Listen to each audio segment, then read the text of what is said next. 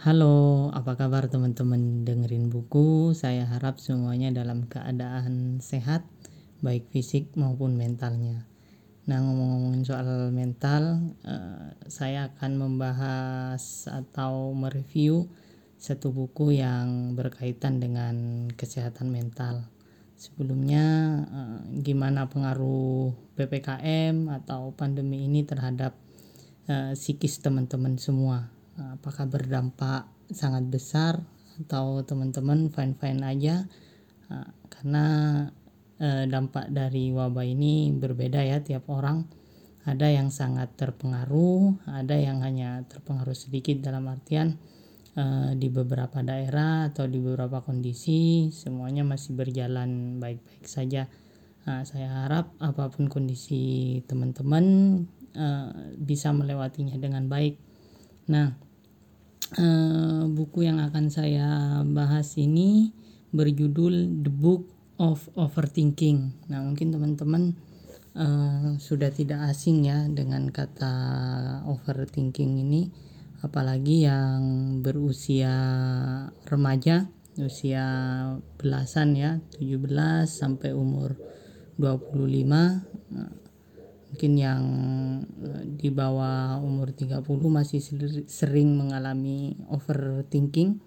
Dan overthinking juga tidak hanya pada remaja atau dewasa awal ya. Orang yang di atas usia itu pun atau bahkan orang yang usia lanjut masih bisa mengalami yang namanya overthinking.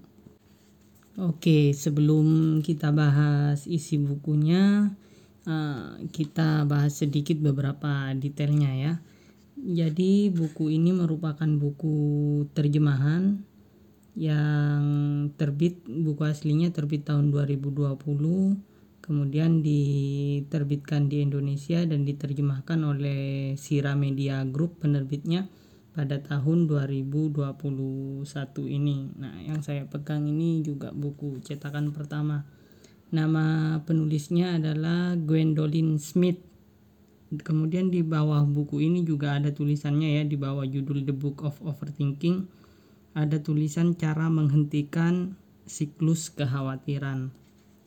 Nah, eh, penulis ini merupakan seorang praktisi ya, praktisi psikologi klinis. Nah, dia adalah seorang psikolog. Nah, ini yang saya suka dari penulis-penulis luar negeri itu eh, penulisnya benar-benar kredibel. Jadi bukan hanya menulis berdasarkan pengalaman nah, tapi memang orang-orang yang punya uh, kapasitas di bidang yang ditulisnya termasuk Gwendolyn Smith ini. Jadi dia uh, memang seorang psikolog klinis dan sudah melakukan praktek lama. Nah, jadi uh, buku ini tidak hanya ditulis dari segi pengalaman aja, tapi juga ditulis berdasarkan teori-teori. Nah, kelebihan buku terbitan luar negeri atau karangan penulis luar negeri juga ditulisnya e, berdasarkan jurnal-jurnal atau buku-buku yang ilmiah. Nah, di buku ini juga di belakangnya ada semacam daftar pustaka atau e, saran bacaan lebih lanjut tentang overthinking ini khususnya ya atau kesehatan mental umumnya. Nah, kenapa uh, tulisan yang berdasarkan teori dan praktek ini sangat penting kalau meminjam analogi dari uh, Haji Santoso Putra ya praktisi kesehatan mental itu bilang bahwa antara teori dan praktek itu jika diibaratkan pada burung itu sama dengan mata dan sayap. Uh, artinya teori itu mata, kemudian praktek itu adalah sayap. Nah keduanya itu harus imbang harus balance. Nah, karena kalau cuma punya sayap tapi tidak punya mata nah bisa nabrak ke mana-mana terbangnya nggak beraturan. Nah begitu juga kalau hanya punya teori tapi nggak pernah praktek eh, juga dia hanya bisa melihat jauh ke depan tapi nggak bisa mencapai tujuannya tersebut. Nah ini penulisnya eh, memiliki dua kapasitas itu dia sebagai psikolog otomatis dia menguasai teori kemudian dia juga membuka praktek nah, jam terbangnya udah banyak. Dan ternyata di akhir ini baru saya ketahui bahwa penulis juga pernah mengalami masalah yang berat pernah didiagnosis menderita kanker. Dari uh, kasusnya tersebut dia juga menciptakan buku tentang itu ya tentang apa membahas tentang uh, bagaimana yang ia rasakan sebagai penderita kanker sebelum dan sesudah dioperasi. nah sebelum lanjut lagi ke isinya, nah, cuman sayangnya ada satu hal yang saya kurang suka ketika buku dari luar negeri atau penulis luar yang diterjemahkan ke dalam bahasa Indonesia oleh penerbit-penerbit kecil itu eh, terjemahannya kurang renyah menurut saya. Jadi beda dengan penerbit-penerbit besar semacam Bentang atau Gramedia atau KPG. Nah, itu ketika dia eh, menerjemahkan suatu buku, itu kita bisa membacanya dengan uh, nikmat gitu ya nah, bahasanya uh, lebih mudah dipahami dan bikin nggak bosan nah tapi kalau teman-teman yang udah terbiasa baca buku terjemahan yang terjemahannya kurang renyah nah itu sih nggak masalah. Nah yang saya maksud di sini mungkin kalau teman-teman pernah baca buku buku-bukunya Mark Manson nah itu juga kan e, diterbitkan oleh Grasindo ya. Dan menurut saya setelah baca dua buku Mark Manson itu baik yang seni bersikap bodoh amat maupun yang segala-galanya ambiar itu dua-duanya menurut saya juga kurang enak ininya terjemahannya. Nah, beda kalau kita baca e, buku yang penerbit-penerbit besar tadi yang saya sebutkan. Oke. okay. Di buku ini uh, sisi positif lainnya adalah uh, dia membahasnya benar-benar dari awal. Jadi di bagian pertama buku ini, buku ini dibagi menjadi dua ya. Bagian pertama itu tentang uh, definisi atau apa? Dia membahas dulu membedah apa sih overthinking itu. Nah, kemudian di bagian pertama itu ada empat bab.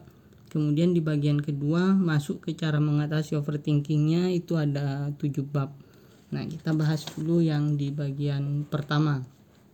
Di bagian pertama ini penulis uh, membedah dulu definisinya ya dari beberapa definisi tentang apa itu overthinking. Nah, ini jadi kalau untuk teman-teman yang awam tentang kesehatan mental atau teman-teman yang uh, bukan uh, bukan mahasiswa atau bukan orang yang pernah berkuliah jurusan uh, psikologi ini sangat bagus tapi kalau untuk teman-teman yang uh, sudah lulusan dari jurusan psikologi atau sekarang sedang menempuh pendidikan psikologi. Ini uh, banyak teori-teori dasar yang dipakai di buku ini. Uh, misalkan salah satunya teori dari Pavlov. Nah, kalau teman-teman yang dari psikologi uh, sudah pasti uh, mendengar nama Pavlov sudah pasti uh, bisa menebak kira-kira teori Pavlov yang mana yang dipakai di buku ini. Nah, jadi uh, di bagian pertama dia membedah dulu overthinking. Di situ juga dijelaskan kalau overthinking itu ada dua ya, bisa positif, bisa negatif. Uh, ada juga overthinking itu tentang masa lalu, bisa juga tentang masa depan. Kemudian di bab keduanya dia membahas eh, bahayanya. Nah, kemudian di bab 3 dia melihat lebih dekat mekanisme overthinking yang penuh kekhawatiran. Nah, ini masih bab-bab pemanasan. oh ya, tapi walaupun ini terjemahannya kurang renyah, ini masih cukup mudah dipahami. Nah, walaupun ada beberapa paragraf yang saya harus baca 2-3 kali. Kemudian masuk di bagian kedua, Nah, ini udah mulai uh, masuk ke intinya, nah, yaitu cara mengatasi overthinking. Dimulai dari apa yang harus dilakukan terhadap cara overthinking, kemudian memulai terapi. nah, di sini di bab 2 ini bagusnya buku ini adalah kita seolah-olah dibuat sedang berkonsultasi atau sedang melakukan terapi dengan seorang psikolog. Jadi model bukunya itu bukan uh, benar-benar yang teoritis kayak buku ajar gitu ya, tapi di situ ada percakapannya juga antara terapis dengan pasien atau klien. Nah, apalagi di Indonesia ini kita kan masih sangat kurang ya tentang apa tentang kesehatan mental ini perhatian masyarakat terhadap kesehatan mental ini masih sangat kurang di beberapa tempat masih dianggap tabu. Misalnya untuk datang ke psikolog atau memeriksakan diri ke psikiater itu masih dianggap suatu hal yang tabu. Masih orang yang banyak nggak percaya dengan penyakit-penyakit mental. Jadi buku ini menurut saya cukup memfasilitasi hal-hal tersebut ya walaupun sekarang sih udah mulai uh, banyak banyak uh, apa namanya digembar-gemborkan tentang kesehatan mental beberapa uh, remaja atau dewasa terutama yang di perkotaan juga sudah mulai sedikit istilahnya tidak asing lah dengan istilah-istilah kesehatan mental walaupun bukan berarti benar-benar paham ya.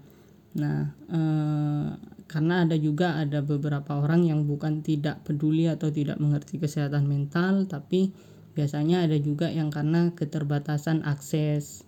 Nah atau juga keterbatasan biaya. Banyak hal. Jadi buku ini lumayan eh, bukan berarti sebagai penggantinya ya tapi bisa dikatakan lumayan untuk mengatasi hal-hal tersebut. Kemudian masuk ke bab 7 di situ ada mengenali virus pikiran. Nah, ini udah mulai e, membahas hal-hal apa aja yang menyebabkan kita menjadi overthinking. Nah, di situ banyak.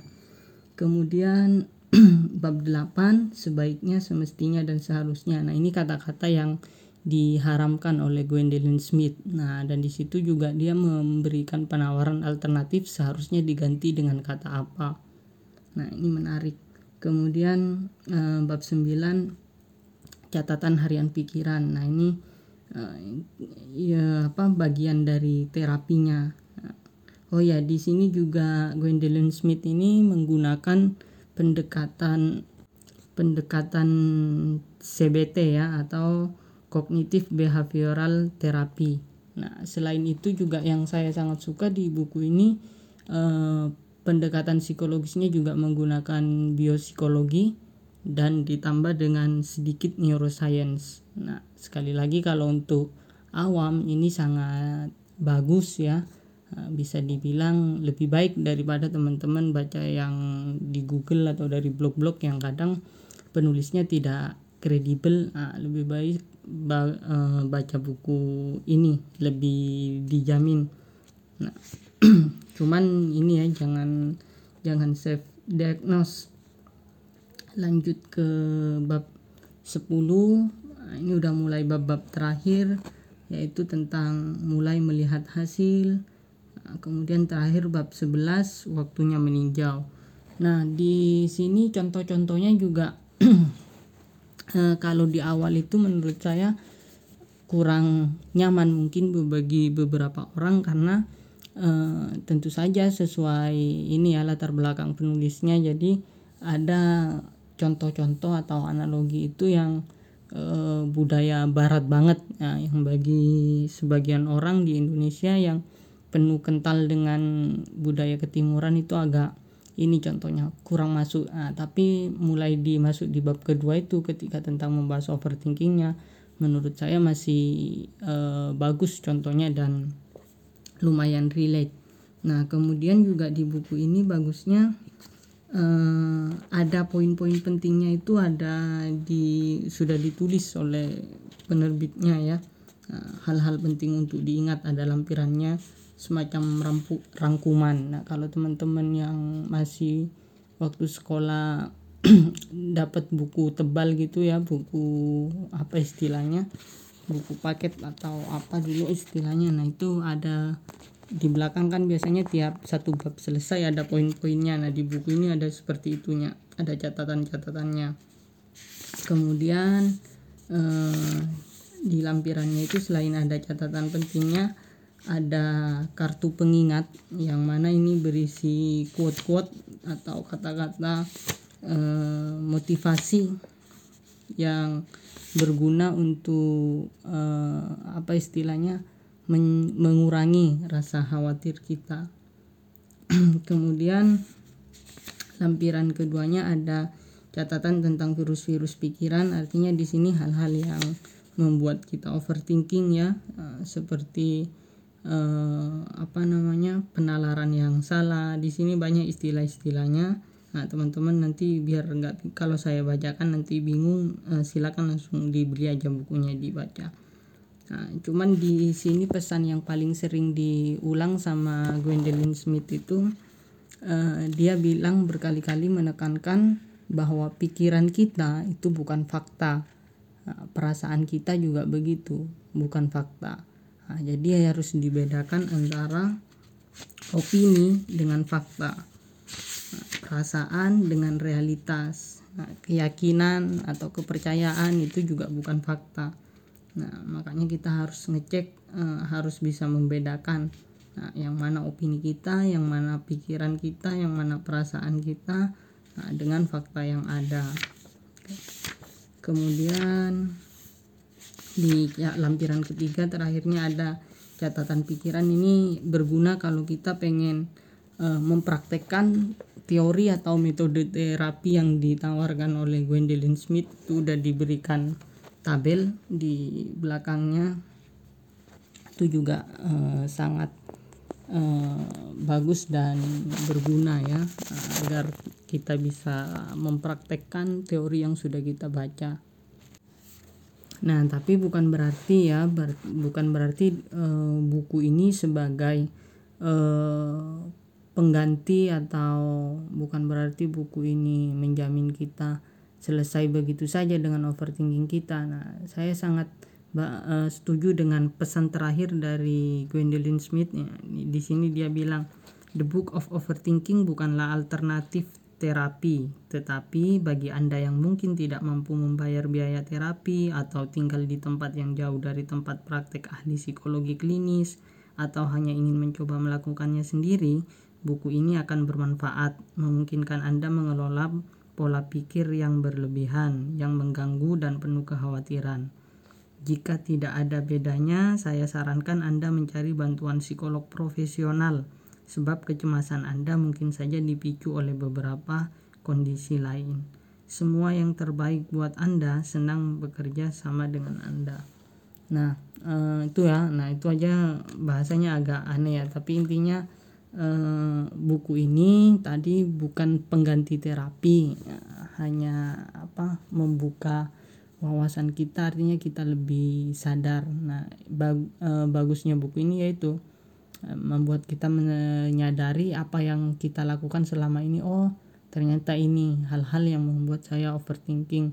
Nah di buku itu juga dijelaskan apa yang harusnya dilakukan. Nah ketika kita sedang dilanda kecemasan atau overthinking tadi. Nah, di, e, di bab satu itu juga dikupas dengan tuntas ya. Nah, bedanya cemas, khawatir, nah, kemudian e, overthinking ini termasuk pikiran atau perilaku. Nah, itu juga dijelaskan lebih dulu.